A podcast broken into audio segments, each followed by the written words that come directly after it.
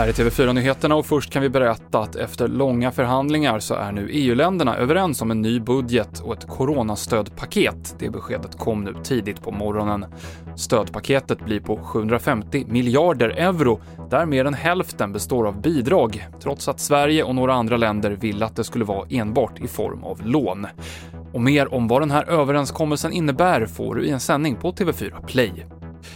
Det har varit trängsel i kollektivtrafiken under coronapandemin i en majoritet av regionerna i Sverige. Det här visar en enkät som Ekot gjort.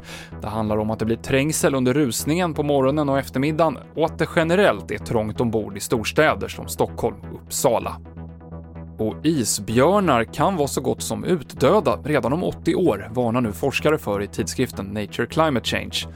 I takt med att klimatet blir varmare kommer havsisen i Arktis att minska och det påverkar björnarna eftersom de är beroende av isen för att kunna jaga.